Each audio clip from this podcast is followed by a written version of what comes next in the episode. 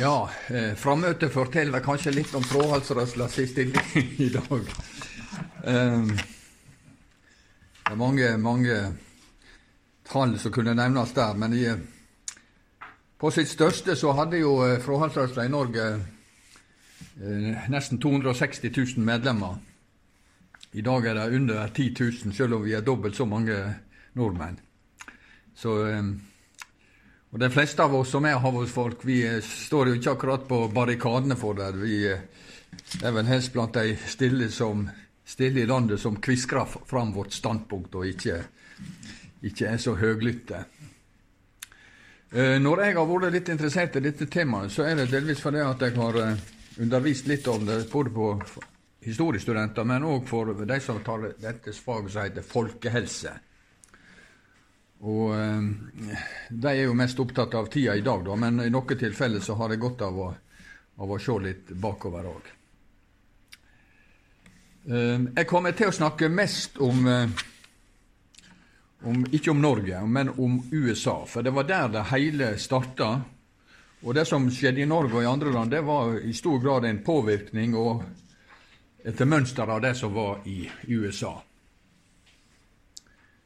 Eh, men jeg skal starte litt uh, i, i, med, med, Norge. Etter andre verdenskrig så var det en amerikansk sosiolog og antropolog som het David Rodnick. Han gikk i gang med et storstila studium av europeiske land og kulturer. Og Et av resultatene var eh, boka 'The Norwegians A Study in National Culture'. Det kom i 1955. På Vestlandet så besøkte Rodnick bl.a. Ålesund. Og Noe som han la merke til her, var at han nesten aldri så noe menneske som var berusa. Og at det var ei veldig restriktiv holdning til alkohol. Eh, de som tok seg en dram av og til, gjorde det helst hjemme og ute, for, ute av syne for naboen sine vaktsomme øyne. Eh, på denne tida her var det forresten ingen alkoholutsalg i Ålesund. Ikke noe pol, ikke butikksalg av øl i Ålesund i eh, forretningene. Og Det var en god del andre byer òg som det var på samme måte. Det var jo helst mindre byer. og Ålesund var vel den største byen som det var slik. Eh, dette med den restriktive holdninga til alkohol var jo ikke noe særtrekk ved Ålesund og Sunnmøre. Slik var det også i andre områder der den pietistiske lekmannsrørsla la rammene for kultur og levemåte. Særlig på Vestlandet og i læstadianske miljø i Nord-Norge var disse tinga nært kobla. Ja, for mange var forhold for alkohol nærmest det ellevte bådet, som en kollega av meg oppe på Høgskolen i Volda har kalla det. Eh, Sjøl de som ikke hadde sin gang på verken på bedehuset eller i kirka, eh, eller på noen måte signaliserte kristen tru og tanke, var prega av dette. Når de kjenner trang for å ta seg en dram, eller hva det nå måtte være, så drakk de sjelden åpenlyst. I stedet gjemte de gjerne disse drikkevarene i løa eller nede i kjelleren. Og jeg er oppvokst med det her, så dette her kjenner jeg veldig godt til. Eh, I historisk perspektiv så er likevel fråhold fra alkohol et relativt nytt fenomen, både i vårt land og i andre land.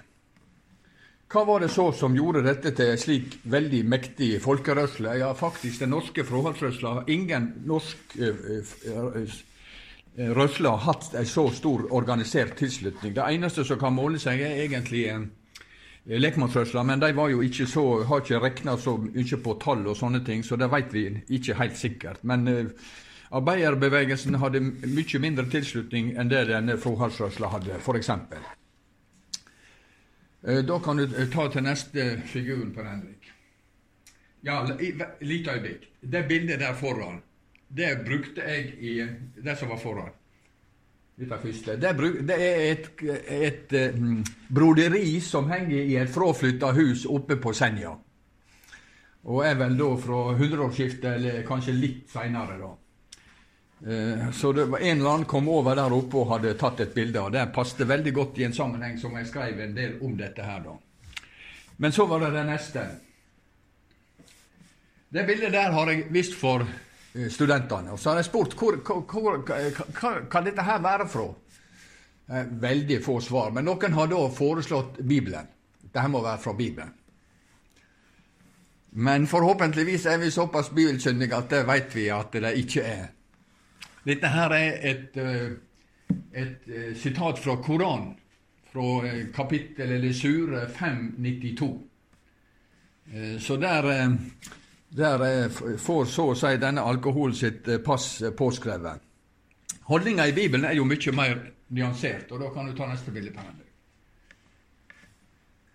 Der er jo sitat som både peker den andre, ene og den andre retning, eller rettere sagt at vinen kan nytes til glede eh, i eh, beskjedne mengder, da, i motsetning til, eh, til når vin blir brukt sånn som Øystein var litt inne på innledninga her, i åpningsordet, når man drikker for mye.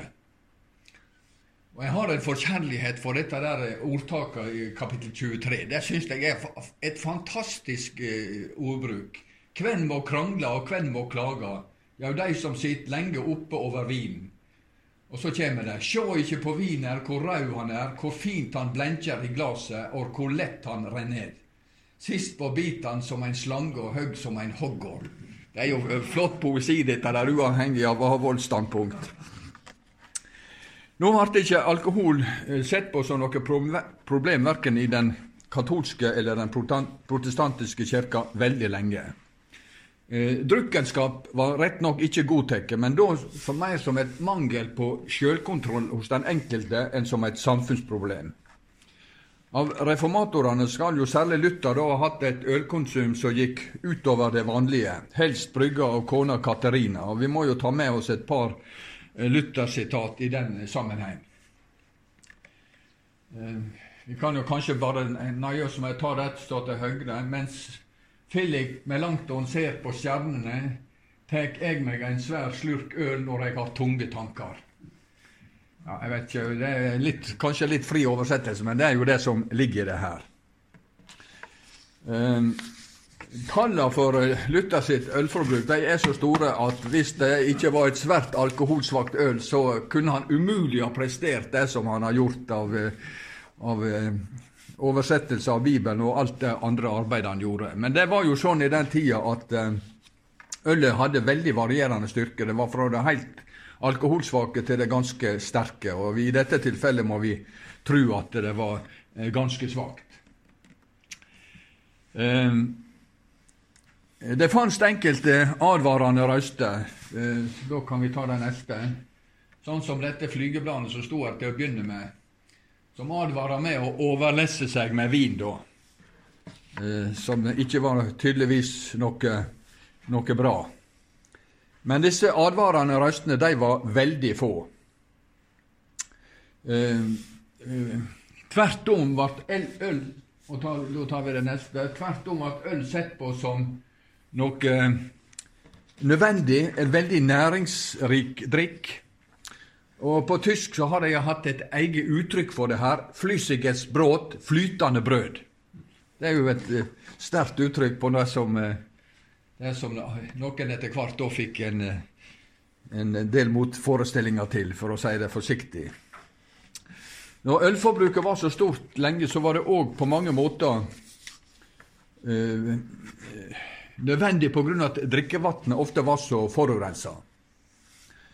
Jeg eh, husker når jeg var i Lübeck med studenter, så oppdaga jeg at på dette Heilige Geistes-hospitalet, hva det heter, der var et aldershjem, og der kunne man legge seg inn og få forpleining resten av livet mot å gi fra seg det man åtte. Men da var en av eh, en av eh, det som de skulle være sikra, det var øl, øl, ølforsyning. Og det var veldig mange liter. Jeg tør ikke si hvor mange, men så mange liter jeg tror de må ha solgt en del av det her for å, for å øke på sin egen eh, overlevelse, eller til, til bruk til andre ting. Så det var altså noe som helt, var helt nødvendig i en del områder når drikkevannet, som i Lübeck, var veldig dårlig. Eh, først et par hundre år seinere, eh, litt inn på 1800-tallet, så slo fraholdstanken gjennom og ble en kampsak både for puritanere og pietister. Og Det er det, dette skiftet jeg skal prøve å gi et riss av i det følgende. Og som jeg har antyda, så starta ikke det verken i Ålesund eller på Sunnmøre, men i USA. Da tar vi det neste. Eh, da Arabella, flaggskipet i den elleveskip store Winthrop Fleet, som i 1630 førte noen av de første puritanerne over til USA, var øl den viktigste drikkevara. Med seg skal de ha hatt 10 000 gallon, eller ca. 38 000 liter øl, foruten malt til ekstra brygging om bord og ikke så lite brennevin. Og før de nådde havn sju uker seinere, var visstnok det meste konsumert av mannskap og passasjerer, trolig mellom 200 og 300 personer. Jeg har regna på det og fant ut at det var minst et par liter øl gjennomsnitt per dag for de som var med på denne ferda. Og Vi får håpe og og tro at i dette tilfellet at det var et alkoholsvakt øl. Eh, det store ølkonsumet holdt fram i Amerika, og det meste ble drukket i heimene under måltida. Men ikke bare der. Da engelske puritanere i 1636 grunnla et college for presteutdanning i Harvard, det som senere skulle bli Harvard University, var et bryggeri som skulle sørge for øl til, eh, for øl til studentene, en av de aller første bygningene. Eh, et par tiår seinere ga den puritanske presten Increase Matter, rektor og sjefsadministrator ved denne institusjonen, ut et skrift der han advarte mot drukkenskap, men likevel hevda at alkohol var ei Guds gave som måtte takkes mot med stor takk. Eh, på 1700-tallet auka også eh, brennevinsforbruket. Tradisjonelt hadde de i USA drukket mest rom, men på, mot slutten av hundreåret så tok whisky over. Eh, det hadde sammenheng med koloniseringa. Da må vi se på det neste kartet. Uh, uh, ja. Og det hadde særlig sammenheng med koloniseringa vest for disse Appalachiefjellene som ligger nord-sør her i USA. På den andre sida, altså vest for disse fjellene, så lå det eh, veldig grøderik jord, særlig i statene eh, Pennsylvania, Ohio og Kentucky. Eh, og Her var det veldig gode forhold for å dyrke både mais og, og kveite. Problemet var at det var umulig, nesten umulig, eller veldig vanskelig i hvert fall, å transportere dette over fjellet her igjen. Eh, først i 1825 så kom det en, en, en eh, kanal fra, fra, den Area Lake over til Hudsonelva, faktisk 584 km lang, som gjorde det mulig å transportere det forbi disse fjellene. og Seinere kom jo òg jernbane. Men så lenge så disse fjellene lå der og stengte uten at man hadde alternativ, eh, så var det svært tungvint å frakte kornet tilbake til de folkerike områdene her på østkysten og videre med havner til, til Europa. Og Da fant disse farmerne i disse statene her øst for disse fjellene de fant ut på noe, noe, lurt, ja, i hvert fall økonomisk. De begynte sjøl å brenne kornet, mais og kveite til whisky. Dermed hadde de løst mye av dette transportproblemet, for det førte jo til mye mindre eh, volum og mye mindre problemer med å frakte det tilbake. Eh, det her skjøt veldig fart. Uh, og de hadde alt de trengte her. Det var rikelig med tilgang på vann, det var rikelig med tilgang på brensel til destillasjonsapparater. Og mange av disse innvandrerne her kom fra Skottland og Irland og var vel vant med, med whiskyproduksjon.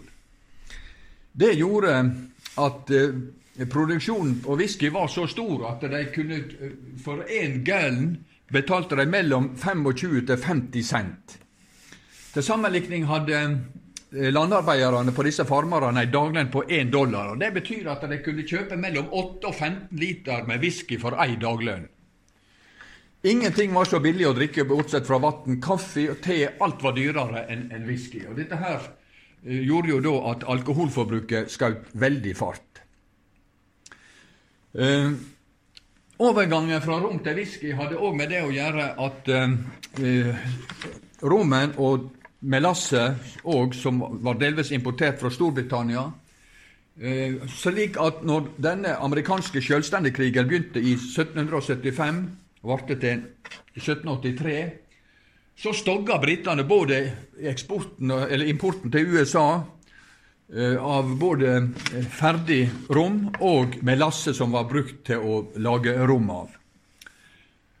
Dermed fikk whiskyen et overtak, og det var sånn at whisky da ble regna for et særlig eh, patriotisk drikk i forhold til Roms og disse kol kolonialistene fra Europa sto for. Eh, etter krigen så la òg USA høye avgifter på import av rom og velasse, noe som selvsagt òg fordyra den enda mer i forhold til whisky. Nå slapp heller ikke whiskyprodusentene i USA unna skattlegging. I 1791 kom det egen skatt på whisky som førte til utrolig mye rabalder. Viktigste grunnen var at finansministeren hadde oppdaga at skattlegging av den økende whiskyproduksjonen kunne være egnet middel til å få ned den enorme statsgjelda som USA hadde etter denne krigen mot, eh, mot Storbritannia. Eh, skattlegginga førte til kraftige reaksjoner også hos forbrukerne, og protestene fikk eh, sitt kraftigste uttrykk under det såkalte whiskyopprøret i Pennsylvania. Det gikk så langt at sommeren 1794 eh, samla en stor styrke av væpna opprørere seg nær Pittsburgh. Og etter at finansministeren fikk overtalt president eh, George Washington til å sende en føderal styrke på 13 000 mann, først da fant disse opprørerne det verdt å gi seg. Men noen få etter, år etterpå så ble denne whiskyskatten tatt bort. Alkoholkonsumet i USA økte i denne tida her på voldsomt. Eh, I 1790 var det tre gallon eh, per innbygger, og i 1830 eh, fire gallon. Det vil si at hvis vi fordeler det på slik det er vanlig i dag på innbyggere over 15 år, så var det ca. 27 liter ren alkohol for alle over 15 år. Da kan vi ta det neste. Det var forresten ikke det eneste landet der eh, alkoholforbruket var enormt i denne perioden her. Eh, USA var det altså ca. 27 liter, men aller størst har jeg funnet at det var i Sverige. Eh, Frankrike lå òg høyst, men Sverige var enormt høyt. Og det tallet som står her, det, var, det er fra 1850, eh, og da var det gått ned. Man, I 1829 eh, påstår de, de, som har skrevet om dette i Sverige, at det var 46 liter per innbygger, dvs. Si ca. 70 liter per innbygger. Jeg har ikke tatt eh, per, per, ja, ja, per år for de som var over 15 år. Og Det har aldri sett noe tilsvarende tall. Det står bl.a. i en svensk bok som heter 'Svenska supen'. Men jeg har ikke tatt det med her, for jeg syns det høres helt utrolig ut. Hvis vi ser vårt eget forbruk, så er det litt ulike beregninger. Eh, eh fra 10,5 og opp til en som er nyere alkoholforsker, som mener at det var 17 liter. Eh, til sammenlikning så var det registrerte forbruket i Norge det 6,8, men hvis vi tar litt hensyn til heimeproduksjon og smugling og sånne ting, så regner man med at det er ca. 8 liter. Så det, i alle fall var det vesentlig over det. Og En annen ting er jo òg det at eh, i denne perioden her så var det jo mest mennene som drakk. Så han Horverak, så denne norske alkoholforskeren eh, som var kommet til 17 liter, han hevda at faktisk at for menn var det oppe i 25-30 liter, for kvinner drakk veldig lite. Så eh, forbruket var altså veldig mye større enn det som, det som er i, i dag. Um, og det er denne veldige økningen i alkoholforbruket som fører både til den amerikanske og den norske og i mange andre land eh, sin eh, avholdsbevegelse eller fråhalsbevegelse. Det tar først form i USA, men de første innskrenkingene de finner vi faktisk i England i 1606. Da vedtar parlamentet ei lov som gjorde drukkenskap og overstadig beruselse straffbart. Eh, de prøvde òg å få ned forbruket ved lisensordninger som regulerte både tallet på, og, tallet på utsalg og typen av utsalg. Og det var ikke lov å skjenke uh, eh, ubegrensa til den enkelte. Noen vanedrankere skulle helst ikke få kjøpe alkohol i det hele tatt. Det er altså så tidlig som i 1603. Men det blir på en måte en, liten episode i, i historia.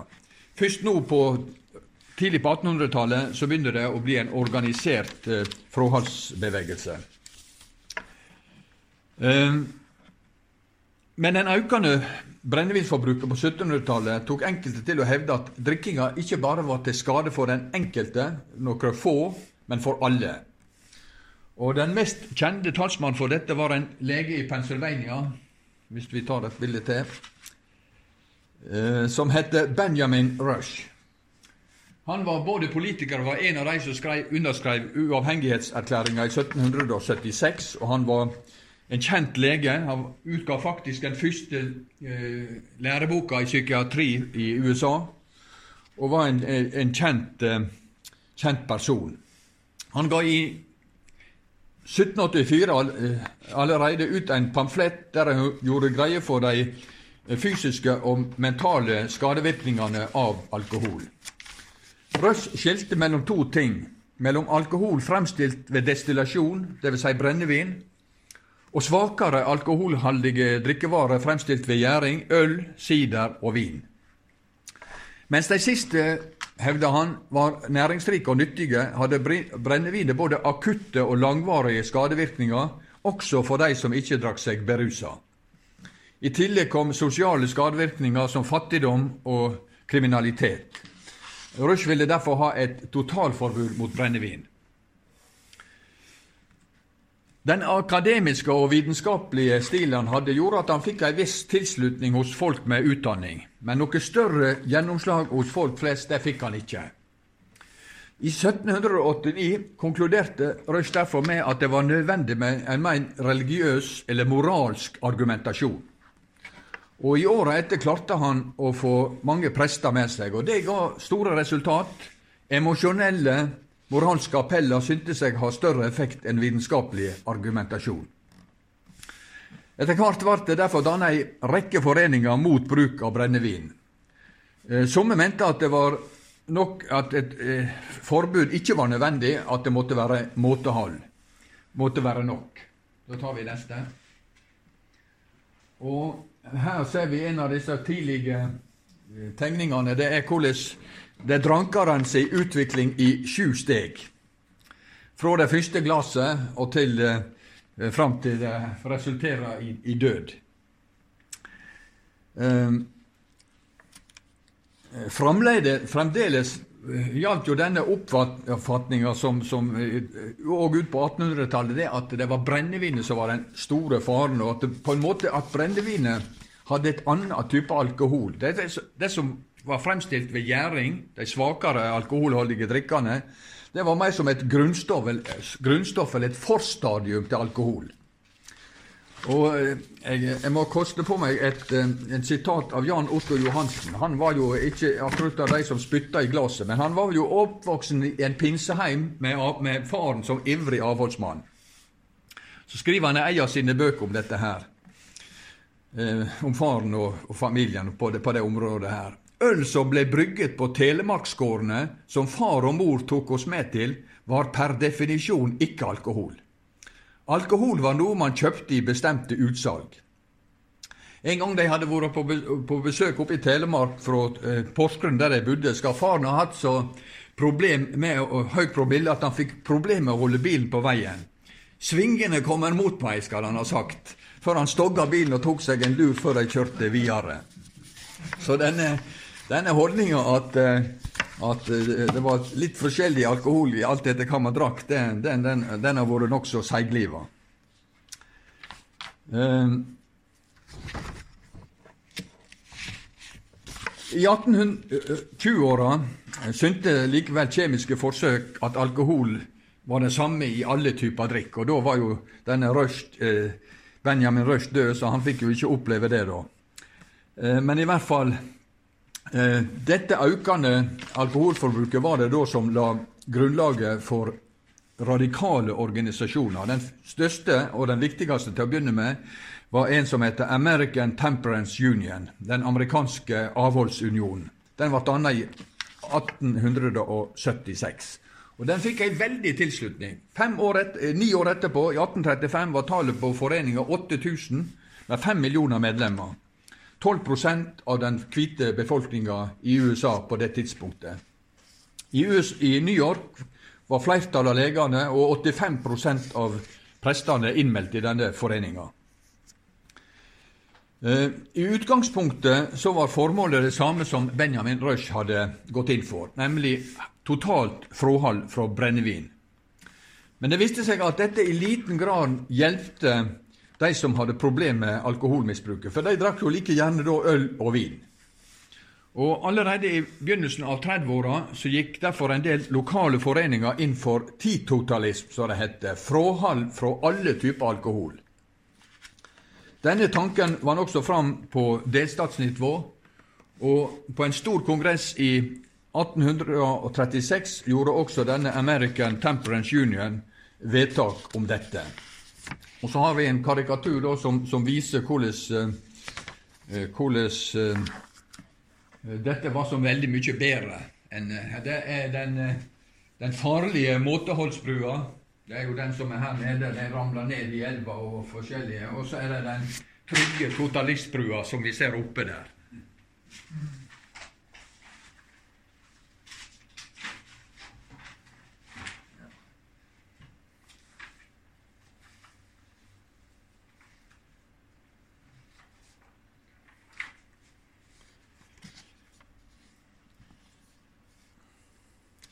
Dette her hadde etter hvert en ganske eh, betydelig virkning. Og forbruket gikk faktisk eh, ned. En halvering fra 1830 og fremover til 1850. Og denne utviklinga her den er blitt tett kobla til det som, denne store vekkelsen som var i USA fra 1790-åra og fram til ca. 1840. The Second Great Awakening. Um, i alle fall så var de fleste, både av lederne og de vanlige medlemmene i, i disse organisasjonene som vokste fram, eh, medlemmer i protestantiske kirkesamfunn. Reformerte og lutherske. Og Ut fra det var det jo heller ikke så rart at veldig mye av argumentasjonen for avhold ble prega av bibelske bilder og metaforer. Mens den puritanske rektoren ved prestekollegiet i Harvard Incris Mather hadde sett på alkohol som Guds gode gave, så omtalte nå hans trusfeller 200 år seinere alkohol som en demon eller djevelens verk. Eh, var likevel ikke bare et protestantisk anliggende. Eh, den fremste avholdstaleren som har hatt størst virkning i det hele tatt, det var faktisk en irsk prest. Theobald Matthew. Han blir regna som den fremste agitatoren for forhold som har funnes noensinne. Og Han har jo i katolsk sammenheng da fått, eh, fått tittelen 'Apostle of Temperance'. Eh, tidlig i 1840-åra skal han ha fått halvparten av den irske befolkninga til å skrive under på, under Og avholdsløftet. Det er vel litt vanskelig for oss nesten å tro, sånn som vi tenker om IRA og alkohol. Eh, men det er en eh, opplysning som går igjen både i irske eh, historieverk og andre historieverk. Han hadde òg veldig store kampanjer både i England, Skottland og USA. En veldig viktig side ved denne avholdsrørsla, det er noe, det som skal vi se litt på nå, det er fråhaldskamp som kvinnekamp. Det høye medlemstallet i disse avholdsorganisasjonene skyldes mye at de veldig tidlig åpna for kvinner. Dels i fellesforeninger med menn, dels i egne foreninger. Eh, og både sosialt og ellers hadde disse kvinnene veldig ulik bakgrunn. Men felles var en veldig sterk moralsk indikasjon, og vi må vel nesten si ei litt naiv tru på at forhold fra alkohol var redninga for alt gale. Fattigdom, familievold og annet elende hvis man bare fikk slutt på alkoholforbruket, så ville det forsvinne. Og det var vel Jeg har sagt det var naivt, og det må vi vel nesten ha lov å, å konkludere med.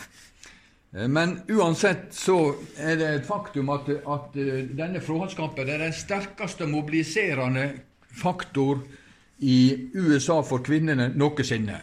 Mer enn eh, kampen mot slaveholdet, mer enn kampen for kvinnelig stemmerett. Det var her på en måte at kvinnene først ble mobiliserte og fikk veldig stor betydning. De var ikke bare mange, de var også de mest pågående, for ikke å si mest militante.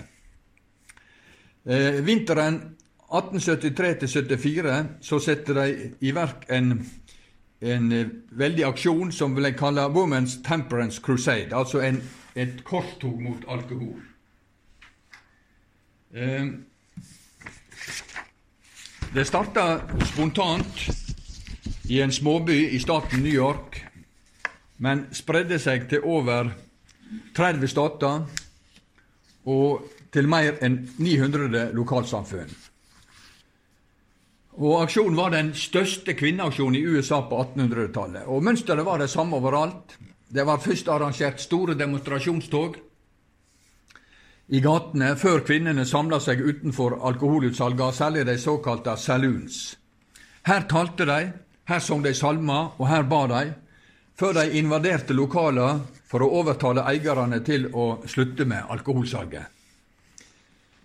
Eh, mottakinga varierte, men eh, til tider så ble de eh, gjenstand både for steinkasting og fra rasende eiere og gjester som ikke setter særlig stor pris på dette damebesøket. Eh, en følge av dette korstoget var en egen organisasjon for kvinner, Women's Christian Temperance Union.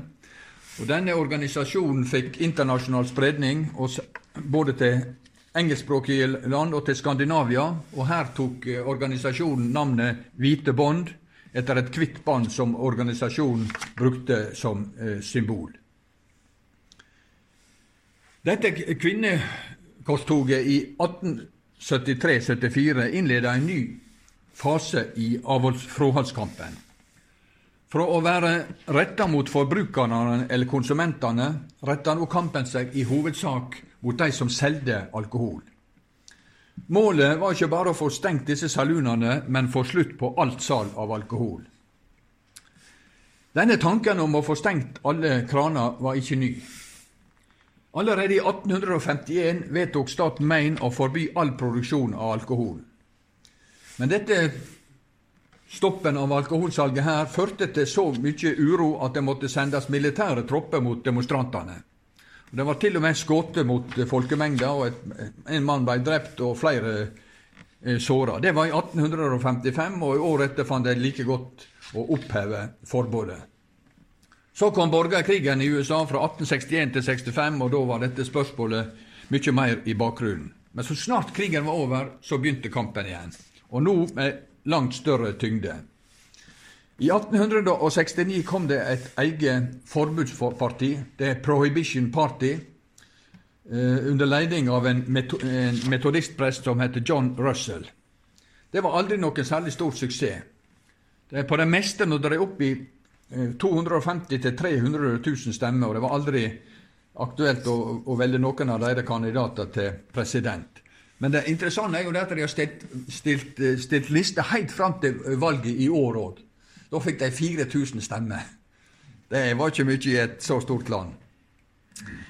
Eh, dette forbudspartiet var altså ingen stor suksess.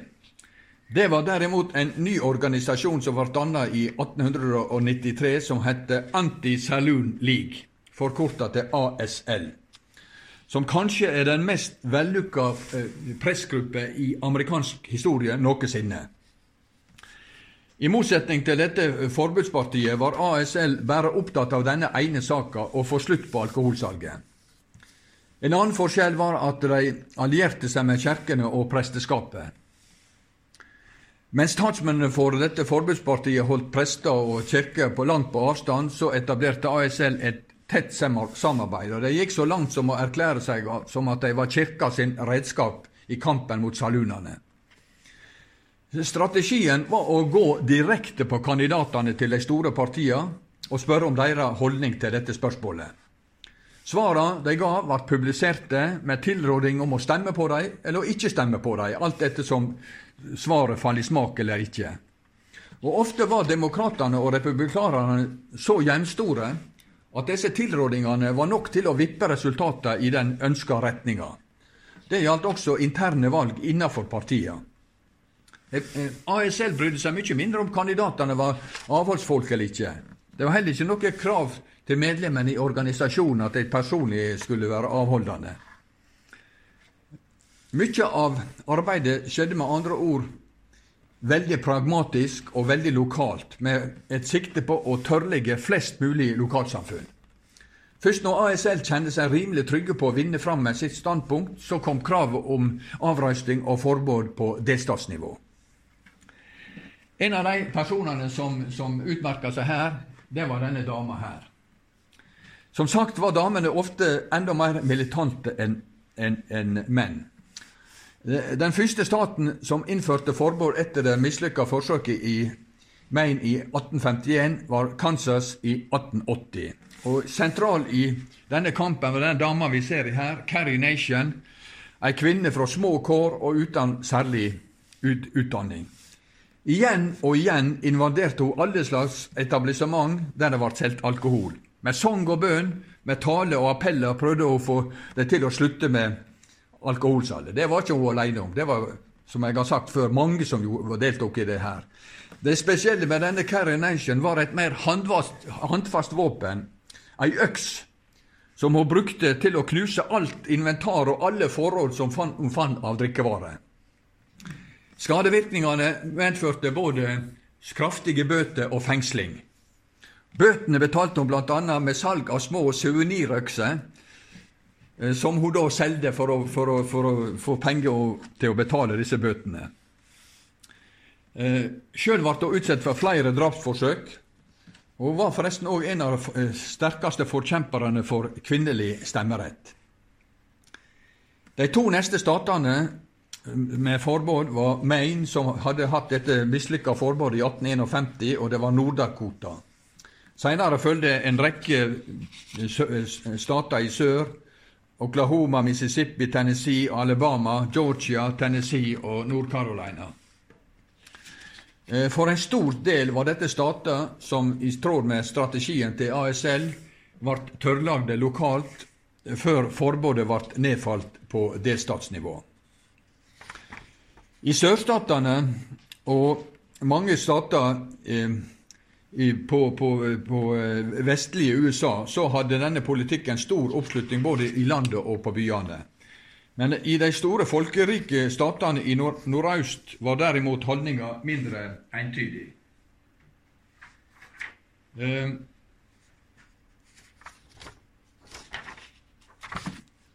her kom det mange innvandrere fra sør i Europa og fra Øst-Europa som, som var vant med et betydelig alkoholforbruk, og de var veldig sjelden avholdsfolk. Samtidig så var holdninga i USA i middelklassen etter hvert på glid.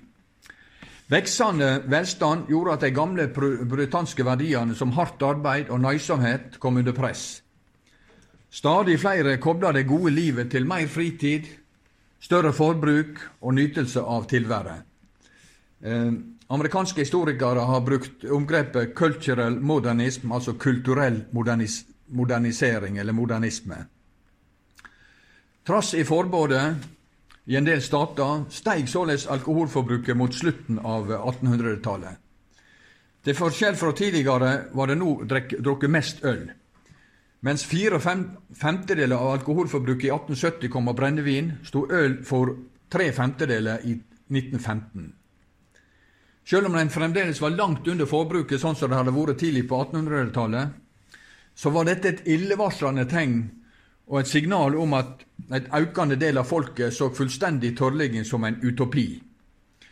De folkerøstingene skapte òg uro. Selv om de vant de fleste delstatene, så var det en del større delstater som sa nei til forbud. Eh, da tar vi det neste. Eh, mye kan tyde på at de som gikk inn for eh, forbud, egentlig aldri hadde noe flertall i det amerikanske folket bak seg. Det var jo ikke noen meningsmålinger på den tida, så det, det veit man jo ikke sikkert. Men mye kan tyde på at det ville være vanskelig å få en slik total tørrlegging gjennom denne eh, strategien med å ta delstat for delstat. Og Derfor skifter dette ASL, denne Anti-Saloon League, strategi i 1913. Nå gikk de plutselig inn for et totalt nasjonalt forbud. Og, og på, dette, på, dette, nivået skulle det syne seg at denne taktikken med å rette eh, oppmerksomhet mot den enkelte folkevalgte, i dette tilfellet i Kongressen, var en suksess. Når de fikk slik suksess, så var det òg fordi at de som gikk inn for det motsatte. Motparten av alkoholprodusentene var splitta og ikke klarte å samle seg om en felles strategi. Særlig distanserte bryggerier seg fra brennevinsprodusentene ved å hevde den gamle tanken om at øl var ufarlig, det var brennevinet som var, var skadelig. Eh, når ASL faktisk til slutt klarte å vinne fram, så var det òg pga. første verdenskrig. og det det var òg en parallell i Norge, men det kan jeg ikke komme inn på her i dag, i hvert fall. For under første verdenskrig så kom det et veldig sterkt moralsk aspekt inn. Man måtte være disiplinert og edruelig i en så alvorlig situasjon for landet, og man måtte bruke korn og det som, som til, ikke til å lage brennevin, men til matforsyninga. Det gjorde at det ble, eh, allerede under verdenskrigen kom et forbud mot destillasjon. I tillegg så ble alkoholprosenten i øl redusert. Det ble kortere åpningstid for alle som selger alkohol, og forbud mot å servere alkohol nær militærbaser og til folk i uniform. Eh, fremste talsmann og lobbyisten for innføring av forbud var en sakfører fra Ohio, Wayne B. Wheeler. Eh, han hadde hatt ei uheldig erfaring i sin eh, Han var oppvoksen på en farm i Ohio. Og Der var en arbeider som var så rusa at han klarte ikke å styre gaffelen på annen måte enn han stakk denne, denne Wayne B. Wheeler, som da var et barn, i foten. Og Denne opplevelsen satte sitt spor i han, og hele sitt liv var kampen mot alkohol helt oppslukende for denne mannen. I 1915 så flytta han til Washington for å drive den kampen mot styresmaktene. Presset var så utholdende og ga slike resultat at somme har omtalt denne lobbyvirksomheten hans som wheelerism, altså noe særlig vellykka uh, kamp for å, for å uh, vinne fram med sitt standpunkt. Men ikke alle tykte noe særlig om denne Wheeler. Og ei av de mest lesne bøkene om forbudet blir det tegna et veldig negativt bilde. Han blir her er slettes ikke fremstilt som noen idealist, men som en fullstendig hensynsløs manipulator, som hadde kontroll over seks kongresser og to presidenter, og var den myndigste og mektigste enkeltpersonen i USA i denne perioden. Ehm, jeg tror du må gå tilbake ja, Prøv å ta en fram. Jeg tror jeg har bytta om to bilder der. Nei, vi tar det sånn. Eh, prinsippet om forbund fikk faktisk gjennomslag i desember 1917. Eh, Et knapt år før første verdenskrig slutta. Og eh, Prinsippet ble en del av den amerikanske grunnlova altså som et tillegg, dette 18. tillegget, eller amendment, som det heter på, på, i USA. Så Der ble dette prinsippet om, eh, om brenne, eh, alkoholforbud vedtatt. Eh, det ble vedtatt med et overveldende flertall. Det var 282 for og 128 imot, og det var ingen stor forskjell på de to partiene, demokratene og republikanerne. Det var et forbud både mot produksjon, salg, transport, import og eksport av, av eh, alkohol. Likevel så var ikke dette vedtaket gyldig uh, før Ja, det var det, det som det som måtte til òg, var dette, dette, tillegget som står nummer to der. Eh, egen lov som hvordan dette prinsippet skulle gjennomføres. Den, det kom først i 1919. Men vedtaket ble, ble eh, ikke gyldig før to tredjedeler av alle statene hadde ratifisert det. Og Det skjedde i januar 1919, da Nebraska som den 36. av 48 stater eh, ratifiserte dette grunnlovstillegget. Eh, selv om Wheeler, eh, som jeg nevnte, var sjefsarkitekten, ble denne lova kjent som The Wallstead Act etter formannen i justiskomiteen, som heter Andrew Wallstead. Det var han som hadde ført lovteksten i, i pennen. Og I denne boka som jeg nevnte, så får han en like nådeløs dom som denne Wheeler. Det heter om han at han var en obskur republikaner og en strilint lutheraner av norsk opphav. Eh, denne mannen hadde nemlig norske røtter. Faren var utvandra fra gården Vrålstad i Drangedal i Telemark, mora fra Oslo. Um, det var jo før, før uh, avholdsbevegelsen slo til i Norge, så de hadde absolutt ikke denne saka med seg i sekken når de utvandra til, til, USA. Så skal dette her gjennomføres, og det skjer i, uh, i uh, januar 16. januar er siste datoen da i, i 1920. Og denne forretninga her har reklamert med 'the last call', den siste utkalling. Og her ser vi noen av de som da benytter sjansen siste dagen det er lovlig, før innføringa av dette, dette forbudet. Um.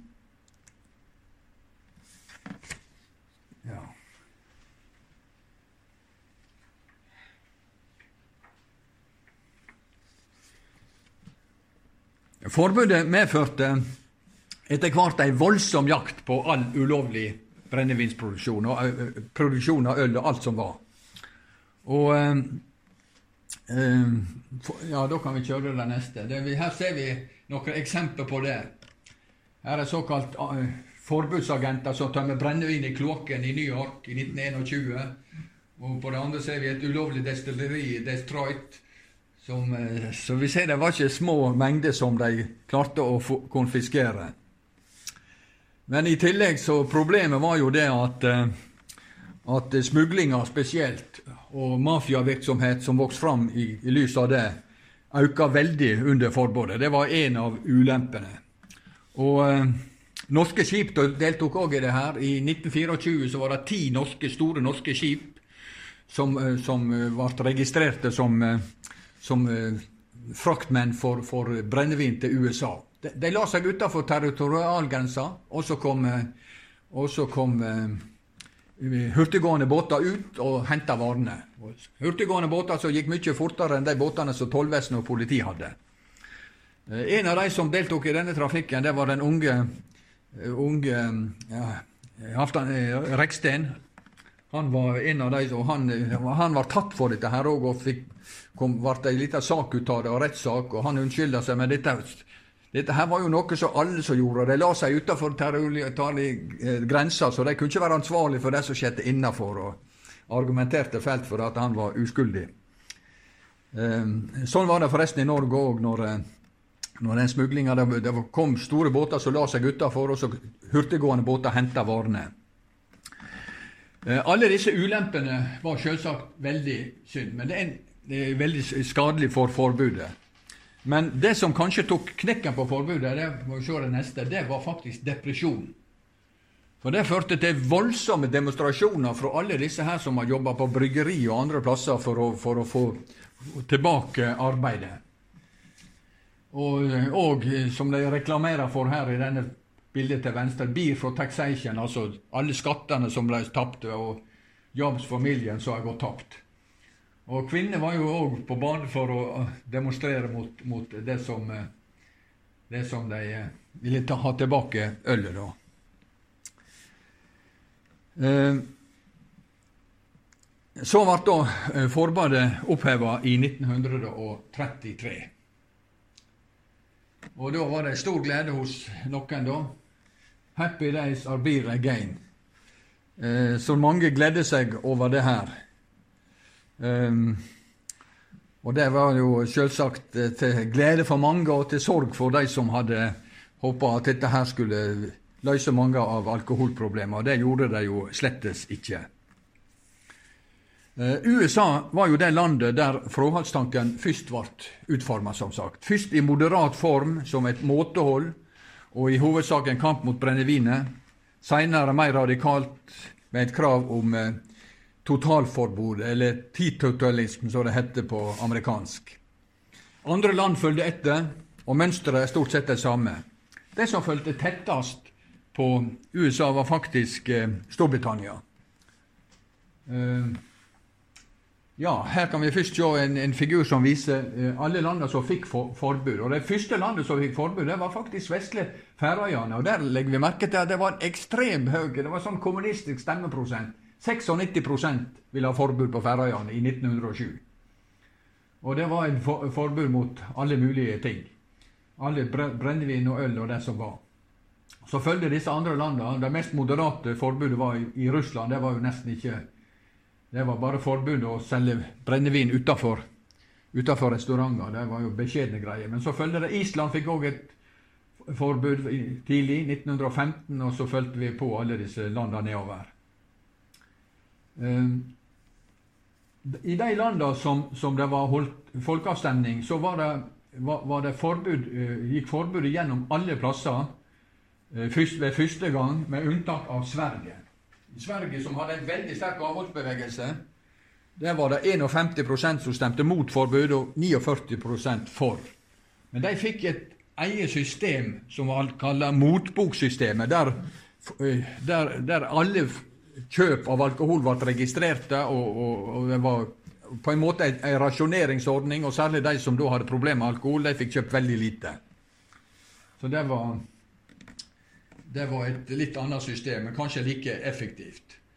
Så ser vi at uh, den norske Vi hadde jo i Skal ikke få snakke så mye om Norge i dag, men vi hadde to to avstemninger. Ved den andre avstemninga i 1926 så uh, hadde stemninga snudd. Og når det ble oppheva så fort, så var det mest fordi vi fikk problem med disse såkalte vinlandene, Frankrike, eh, Portugal og Spania. For De nekta å kjøpe norsk fisk, og i særdeleshet norsk klippfisk kom ille ut hvis ikke vi tok mot så og så mye vin fra dem. Og Det ble vi faktisk tvinga til å gjøre, og det undergravde jo etter hvert hele eh, forbudet.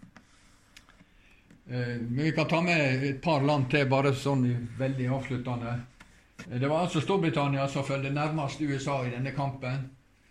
Og her ser vi jo en, en typisk, eh, typisk plakat eller, eller en propagandaframstilling av hvordan de så på det, en del av oss folk, at Alkoholen stjeler barnas mat, og det var vel i noen tilfeller òg sant. Tyskland på den neste Henrik fikk ikke eh, Til tross for sånne bilder som dette her eh, Med alkoholens makt bør man ikke inngå eller flette et varig forhold.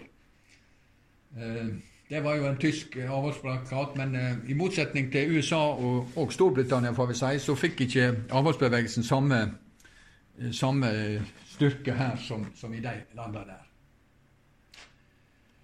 Ja, eh, da har ikke jeg sagt noe om Norge, og det, det, det rekker ikke jeg, for nå er klokka der, så nå har jeg brukt en time. Så får jeg heller si litt om det kanskje etterpå. Ja. Ja, hvis ikke du vil bare trekke noen linjer. Kan jeg gjøre det? Ja. ja. Du får det med. Ja, jeg har jo lyst til det, da. Ja. Um,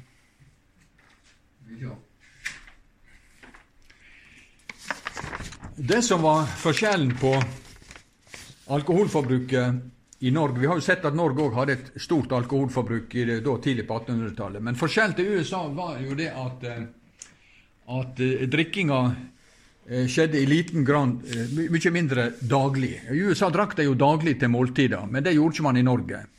Her i Norge ble alkohol brukt som kveik når det skulle utføres kollektivt arbeid, f.eks. under dugnad, i ånden i jordbruket, og ikke minst under fiske, det store sesongfiskeriet. Man regna jo faktisk med at det var umulig å drive, drive lofotfiske før 1850 uten at de brukte brennevin.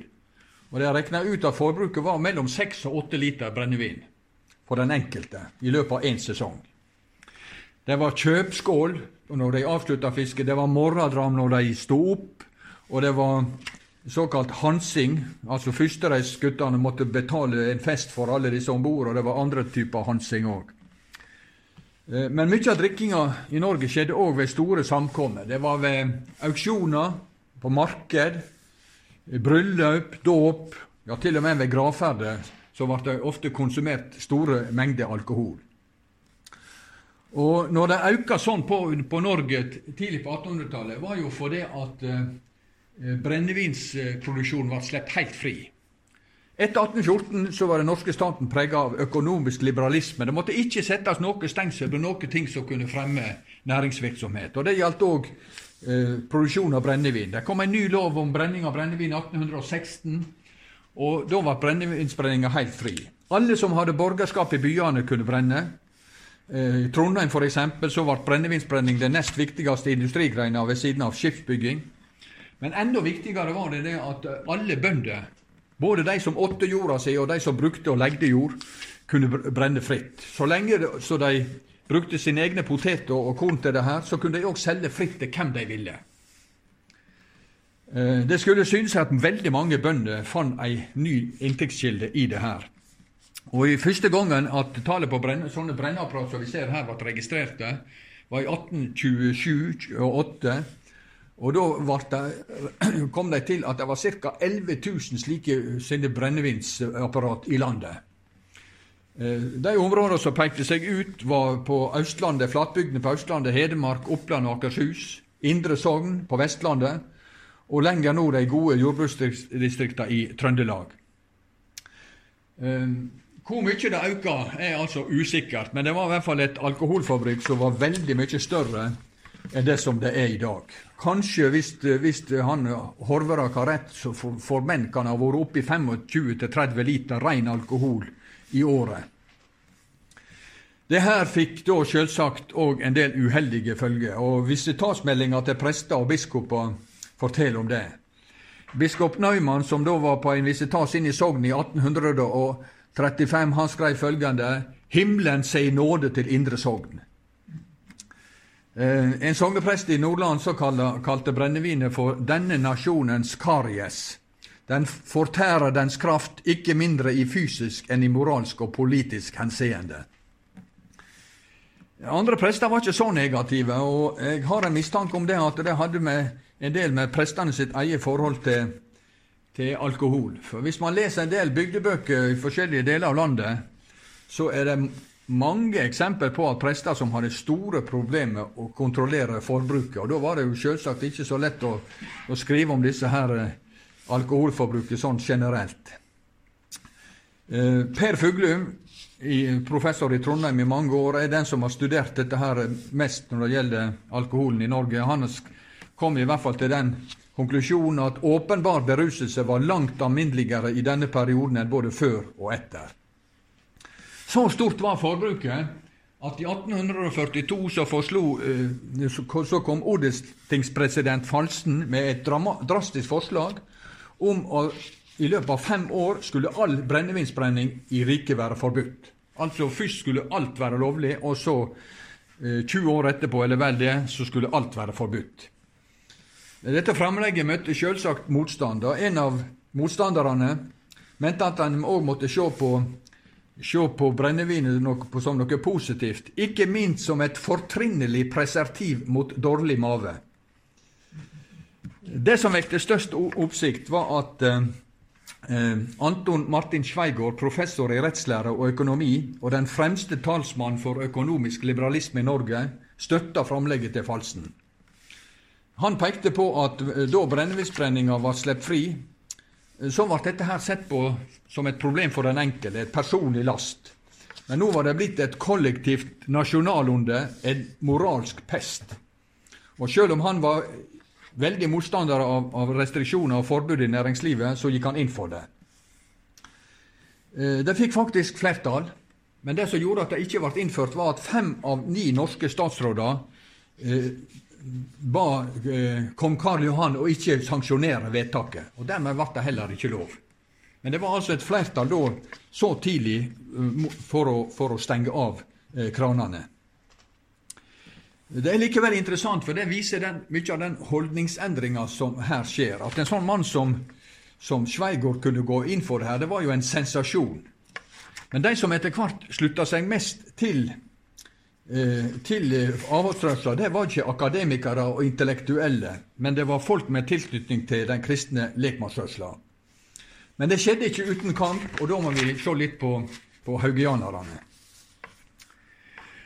Eh, hans Nissen Hauge var ikke uten personlig, personlig erfaring med alkohol. Jeg, tok, jeg, tror jeg skal ta tid å lese dette der så står det. Det er noe som han skrev i et, noe, et verk han ga ut i 1817.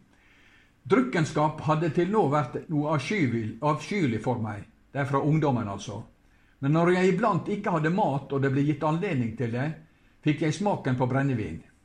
Jeg tror nok jeg fort kunne ha falt i drukkenskapslast, men innså at dette ville bli både min sjel og kropp til fordervelse. Jeg ba derfor Gud om å bevare meg, og siden skydde jeg denne lasten og ble ved Guds nåde bevart. Derfor har jeg bare én gang i mitt liv vært beruset. Avholdsmann ble han likevel ikke, han serverte eh, alkohol både i sitt eget bryllup og ved andre anledninger, og han sendte med brennevin blant de som reiste nordover for å kjøpe fisk i Lofoten, disse skutene som han utrusta, som frakta fisk sørover igjen. Og blant haugianerne var det òg en del av de større eh, brennevinsprodusentene. En av dem var en som heter Erik Vullum i Trondheim. Da han eh, i 1815 starta et brenneri, var det ingen som så noe merkelig eller noe syndig i det. En annen kjent haugianer var en i Volda som heter Erik Svendsen. Hos han gikk det personlig mer på, på øl. Hvert år bygga han, brygga han til jul to tønner øl. Eh, ei tønne med øl var 115 liter, så det blir her vil si altså godt og vel 230 liter øl. På første juledag samla han huslynte på alle gardsbruka, og etter andakt og lesning av huspostill så gikk ølet rundt. Ei kanne til kvinnene, 2,7 liter, og to til mennene, 5,4 liter. Før Hauge døde i 1824, så skjedde det ingen endring hos eh, haugianerne. Men etterpå så, så skifta de fleste etter hvert mening. En av de første som skifta opp, opp, eh, oppfatning, var Jon Haugvaldstad. Eh, kanskje den mest betydelige haugianeren etter Hauge. Han var født i enkle kår på Rennesøy, men flyttet i godt voksen alder til, eh, til eh, Stavanger. Han er vel kanskje mest kjent for det at han innførte et sånt spesielt kristelig ganglag, som ikke Hauge var begeistra for. Hva var det Hauge sa? 'Dette har du tatt deg til selv'. Han mente han hadde ikke funnet noe om dette her i Skrifta da. Men i hele sitt liv, så, eh, for å si noe positivt om han, så hadde han et veldig sterkt sosialt sinnelag og syn for de svake. Han oppretta bl.a. en heim for foreldreløse og fattige jenter i Stavanger, Josefinestiftelsen. Mye av dette for egne midler. Det sosiale eh, sinnelaget var også trolig grunn til at Haugvaldstad på sine eldre dager skrev under fråhalsløftet, eller rettere sagt løftet om å holde seg fra brennevin. Dette her var så tidlig at eh, Tanken om totalfråhold var ikke slått igjennom. Når denne Haugvaldstad da talte på kristne møter, så la han gjerne inn noen ord om at eh, tilhørerne burde skrive under på, på et slikt løfte, de òg. Men ikke alle haugianerne mente at dette var verdt å bruke tid og krefter på. Heller så de det som en avsporing fra det kristne, det et kristent menneske burde være opptatt av. En av disse var Elling Eielsen fra Voss. Han reiste som predikant både i Norge, Sverige og Danmark, før han i 1839 utvandra til Amerika, der han grunnla et eget kirkesamfunn, Den evangelisk-lutherske kirke i Nord-Amerika. Eh, under et besøk i Stavanger kom han i kontakt med, Haug, med denne Haugvaldstad, de ble etter hvert faktisk ganske gode venner. Eh, men eh, Eielsen gjorde narr av Haugvaldstad og hans kamp mot brennevinet. Etter Eiesens oppfatning var det fariseisme å legge nye båd og regder i tillegg til det som gikk utover Guds ord i Bibelen. Når Haugvaldstad da ville ha han til å skrive under et slikt fråhaldsløfte, så svarte han tvert nei. Så ble det fortalt at en gang de var på vei i lag hjem fra et møte, møtte de eh, en fordrukket mann i Rennestein i Stavanger. Da ga Haugvaldstad denne eielsen et dult med armen i sida og sa der er en til som heller ikke vil skrive under. Da skal visstnok denne eielsen ha kapitulert og gått med på å skrive under. Eh, denne historien her har jo et veldig anekdotisk preg. Og hvor sann den er, det er jo usikkert. Men den forteller litt om den kampen det var på Haugians side med, om dette med, med, med, med avhold eller ikke.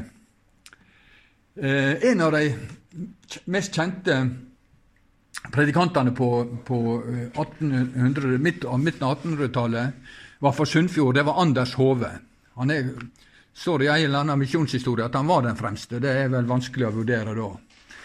Men han ble bedt om å, å, å reise rundt og, og, fra en av disse organisasjonene som vokste fram, og tale mot brennevinet.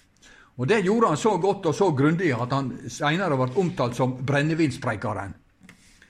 Men fra en del haugianske venner så fikk han kritikk for dette. Kunne det være rett å preike omvendelse og forlating for syndene i Jesu navn, og så i neste omgang oppfordre folk om å gå inn i ei forening som å avgi løfte om å holde seg fra sterk drikk? Det syns mange var rart. Men Hove han snudde på spørsmålet. Han sa kunne en kristen med kjærlighet til nesten virkelig la være å engasjere seg i arbeidet mot den forferdelige brennevinsdrikkinga? Eh, ikke alle lot seg overbevise. Og eh, blant de som holdt seg til Hauge sitt mer liberale syn, var ei gruppe haugianere som i 1872 brøt ut av statskirka og danna det evangelisk-lutherske kirkesamfunn, DELK. Eh, Handlinga til Idel kan jo virke veldig oppsiktsvekkende hvis vi ser på det landskapet som ellers var i lekmannsrørsla, og ikke minst hvis vi sammenligner med læstadianerne i nord. Det var vel ingen som har hatt klarere regler for man, hvordan man skulle leve eh, som en kristen enn en, en, en i og i, eh, blant læstadianerne i nord. Men i dette spørsmålet så var de jo helt fullstendig på, på, på kollisjonskurs. Mens læstadianerne, eh, som så alkohol som det så å si den groveste av alle synder. Og, og Lestadius kaller det jo så å si for djevelens piss. Han brukte et språkbruk som, som kanskje ikke var eh, helt vanlig, selv i, i de sammenhenger som han opererte. Mens da disse hva vi skal kalle Delk i den tida, superpietistene i sør, de sa ikke nei til et, til et glass øl eller en dram. Jeg må nesten fortelle, Jan, jeg var med deg en gang nedover. Da vi sammen vi starta Delk. Og Da bodde vi hos en rektor som var rektor i skolen. I en, i en Delk-skole. Og Så fortalte han om det gamle Delk. Og Han fortalte bl.a. det at sønnen han var 17-18 år, han hadde vel ei hybelleilighet i kjelleren. Og Han hadde lyst til å få seg en, en transistorradio, så han kunne høre, høre på radio nede. Men det syntes ikke faren var, var, det, det var, det var for mye. Og så rekna han opp alle andre ting som, som, som, som, ikke var lov i Delk. Og det var alt skulle Du skulle ikke ha bil uten å ha bruk for bil i arbeidet, og alle sånne ting. Og det var utrolig mange regler som jeg aldri har hørt om her på Vestlandet. Så jeg visste jo ikke om dette med Delk. Og så kom jeg inn på balkonen og da sa nei, det var jo det var lov å ta seg et glass øl og en dram. Så da, måtte jeg si til han det at eh, alt det du har regna opp her før nå, det har aldri hørt om noe i mine miljø på Vestlandet som var synd. Men så når du kommer til sjølve det som vi så som så ursynda på Vestlandet, da er det lov. Ja, han smilte da. Flertallet av haugianerne følgde derimot eh, Haugvaldstad og Anders Hove og sa nei til brennevin. Hvis vi ser på sjølve Kan jeg ta litt til? Ja. Eh, hvis vi ser på, på, på starten på organiseringa, så var det likevel nokså beskjedent eh, hva man krevde. Eh, den starta rundt 1830, og det var såkalte måteholdsforeninger. Og Et av disse selskapene, eller foreningene var på Lillehammer. Her heter det at ingen i foreninga måtte syne seg i beskjenket tilstand. Men i selskap, heter det, så måtte det være tillatt at nyte av alle spirituøse drikker efter behag, som måteholden mann. Videre måtte det på reise være lov å nyte en dram når man føler man tiltrenger den. I daglige burde man helst ikke drikke for mye, men i visse høve så må det òg der lov å ta en dram som medisin eller ved sjeldent besøk som gjorde den større nytelse av vin uunngåelig. Lista var altså ikke lagt særlig høyt. Eh, mer av en kamp mot alkoholen var det en varsom oppmoing til moderasjon. Men det varte ikke så lenge. I 1836 så erklærte medlemmene i den nystifta Stavanger måteholdsselskap at de ville avstå fra all bruk av brennevin utenom som medisin. Eh, dette her innleder jo da ei ny linje, og den som var den fremste talsmannen og den som drivkrafta i denne foreninga, var Futen Søren Daniel Schjøtz, som var en av grunnleggerne av Det Norske Misjonsselskapet i 1842. Han hørte til denne pietistiske retninga som de kaller herrenhuterne, eh, som da sto for ei, litt annen linje i diverse spørsmål enn eh, haugianerne. Men han hadde likevel et veldig godt samarbeid med denne Jon Haugvaldstad. Fra slutten av 1830-åra så bredde tanken om, om fraholdt seg fra Brenneseng fra Stavanger og videre utover. Og I 1844 ble Det norske avholdsselskap danna. Som navnet tilsa, så hadde de nasjonale ambisjoner. Utsendingene fra de 53 lokalforeningene som møtte på skipingsmøtet i Stavanger, kom alle, likevel alle fra Vestlandet og Sørlandet. Ehm, etter denne foreninga sitt, sitt, eh, program så skulle de ikke bare være forplikta til personlig avhold fra brennevin, de måtte heller ikke traktere eller drive med salg av brennevin. Det tykte disse tilsvarende foreningene på Østlandet var å gå i det lengste laget. Så de ville ikke gå med i denne norske avholdsselskap. De danna sin egen forening, som hadde navnet Den norske forening mot brennevinstrikk. Eh, særlig de første åra var denne norske forening mot brennevinstrikk dominert av embetsmenn og mest prester. Den drivende krafta var Kjell Andresen, som sjøl hadde studert teologi. Han hadde veldig tro på opplysning. Han hadde ikke tro på restriksjoner og lover i det hele tatt, men han hadde tro på at hvis man måtte få til ei holdningsendring og Han ga ut et, et lite skrift som han kalte Avholdskatekisme i 1843. Det kom i tolv opplag, om et samla opplag på 70 000. Eh, på Vestlandet var det mindre topptungt, det var mer eh, vanlige folk som var i ledelsen. Men stort sett så var veldig mange av de som var med i disse avholdsforeningene, fra middelklassen. På bygdene var det gårdbrukere, i byer mange håndverkere, småkjøpmenn og lavere funksjonærer. Midt i 1850-åra hadde disse to foreningene til sammen ca. 40 000 medlemmer. Men så begynte de å gå tilbake. Eh, så mye tilbake at begge foreningene etter hvert opphørte. Og hva var grunnen til det? Jo, En av grunnene var at brennevinsdrikninga gikk tilbake etter 1840. Og Så begynte denne tanken om totalavhold på samme måte som i USA å trenge gjennom. Den første totalistforeninga ble dannet av kvekeren Asbjørn Kloster. Ja, her, Det som var foran, vi kan ta den, nå har jeg glemt å oppdatere det, Per Henrik. Eh, men vi tar Asbjørn Kloster. Eh, han var jo kveker og hadde sjøl vært i kvekermiljøet i Stavanger, og de hadde besøk av, eh, nei, i England, og de hadde besøk av engelske kvekere. Samtidig så skrev avisene veldig mye om det som skjedde i USA og Storbritannia, om utviklinga av kampen mot alkohol der. han understreka veldig at denne kampen mot alkohol ikke var noen eh, salighetssak. Eh, og det var ingen forplikting for kristne å slutte seg til fråhaldsrørsla. Når et skip var, han, han brukte et litt spesielt bilde. Når et skip var i havsnød, sporer ikke man etter hva, hva tru redningsmennene hadde. Men når et men, kristen menneske burde likevel være de første til å utsette redningsplanker for de skipbruddene og drage dem opp på avholdsstranden. Det samme sa forresten denne Kjell Andresen. Altså de, gjorde, de, de, var tidlig ute med, med, dette her og på en måte ikke koble det. Men blant de van, vanlige medlemmene så var det nok ikke alle som klarte å holde disse tinga like godt eh, fra hverandre.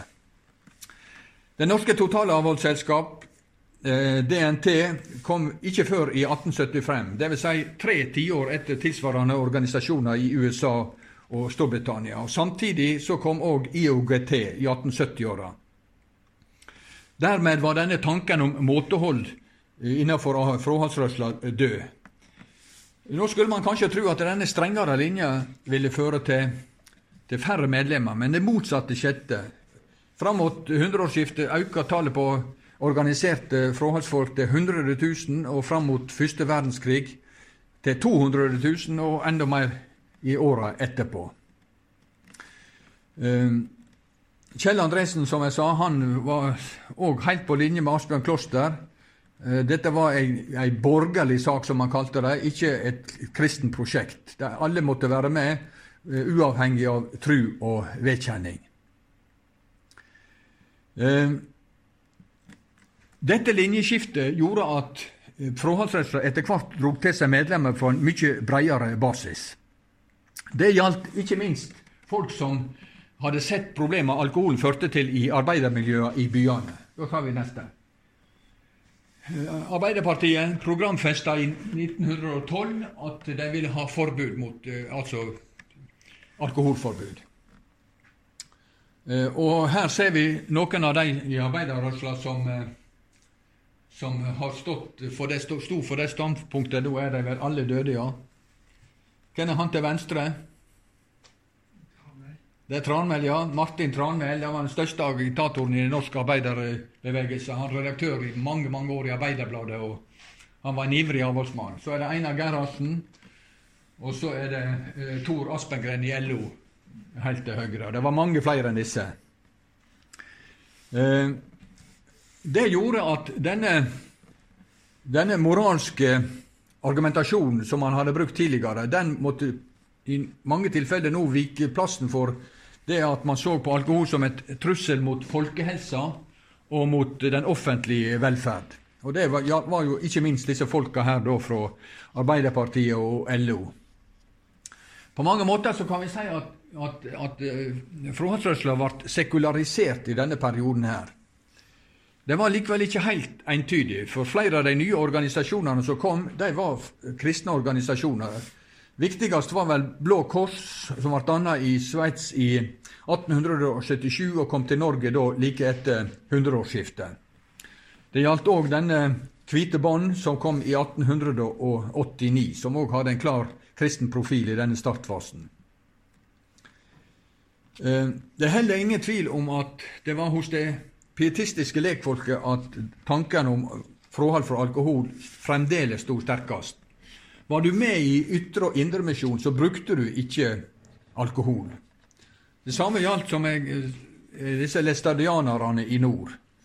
Eh, de var jo sjelden organiserte avholdsfolk, men de var likevel mer hatske mot alkoholen enn noen. Og de hadde veldig stor virkning, for i, i Finnmark hadde alkoholforbruket vært veldig stort, særlig blant, eh, blant sjøsamer og kvener i, i, i, eh, i, den, i dette fylket. Men sjøl de som var mot Lestadius og, og, og eh, lestadianismen, og det var jo mange prester der nord, de måtte innrømme at denne lestadianske vekkinga hadde fått Der den fikk feste og makt, så forsvant drukkenskapet. En av dem skrev i 1911 mot det rå, ryggesløse liv har lestadianismen vært som en fortærende ild. Ja, fra det som, eh, som Eilert Sund tidligere, tidligere hadde Han skrev om, om alkoholforbruket blant disse sjøsamene og, og, og kvenene at i enkelte distrikt kalte han det var nesten fabelaktig. det var jo en litt merkelig ordbruk da. Men nå går det altså andre veien. og, det, og, og selv om organisasjonsprosenten er veldig stor der, så viser disse avstemningene som kom senere mot forbud, at f.eks. For i Vadsø var det 70% som stemte for alkoholforbud. Og det var jo mye, mye mer enn i noen byer sørpå. Eh, denne perioden fra hundreårsskiftet og fram til folkeavstemninga i 1919 var eh, avholdsbevegelsens store, eh, sin store eh, tid. I 1919, når det da kom opp om man skulle vedta et, et forbud som skulle vare utover krigen, så lenge som det har vært til da, så sa jo 62% ja. Øvsta fylka lå Møre og Romsdal med 88 for forbud.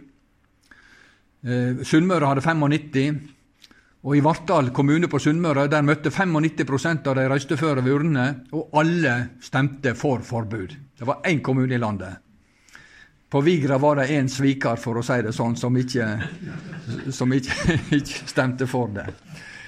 Eh, nå ble dette her eh, på en måte toppunktet, det som skjedde da i, eh, i 1919, og forbudet. Men så visste de så det at både problemer med klippfisken og alle disse problemene som forbudet medførte, også i Norge, med smugling og drikking av alle mulige slags surrogat og heimebrenning og andre ting, så gjorde det det at neste gang at det ble avstemning i 1926, så ble det en kraftig nedtur. Da var det bare 44% som ville ha forbud. Det Jeg har jo forklart dette her, mye med den problemer med klippfisken. Men hvis vi ser på Sunnmøre, så var det største, største produsenten av klippfisk i Norge så var det fremdeles 92% på Sunnmøre som stemte for forbudet i 1926, når ingen andre ville ha det. Så det var nå ikke bare klippfisken, det var jo kanskje mer disse, disse ulempene og utvekstene med smugling og alt dette som hørte til, som var, var den viktigste grunnen. Ja, nå har jeg holdt på i en og en halv time snart. Ja, jeg tror jeg stopper der.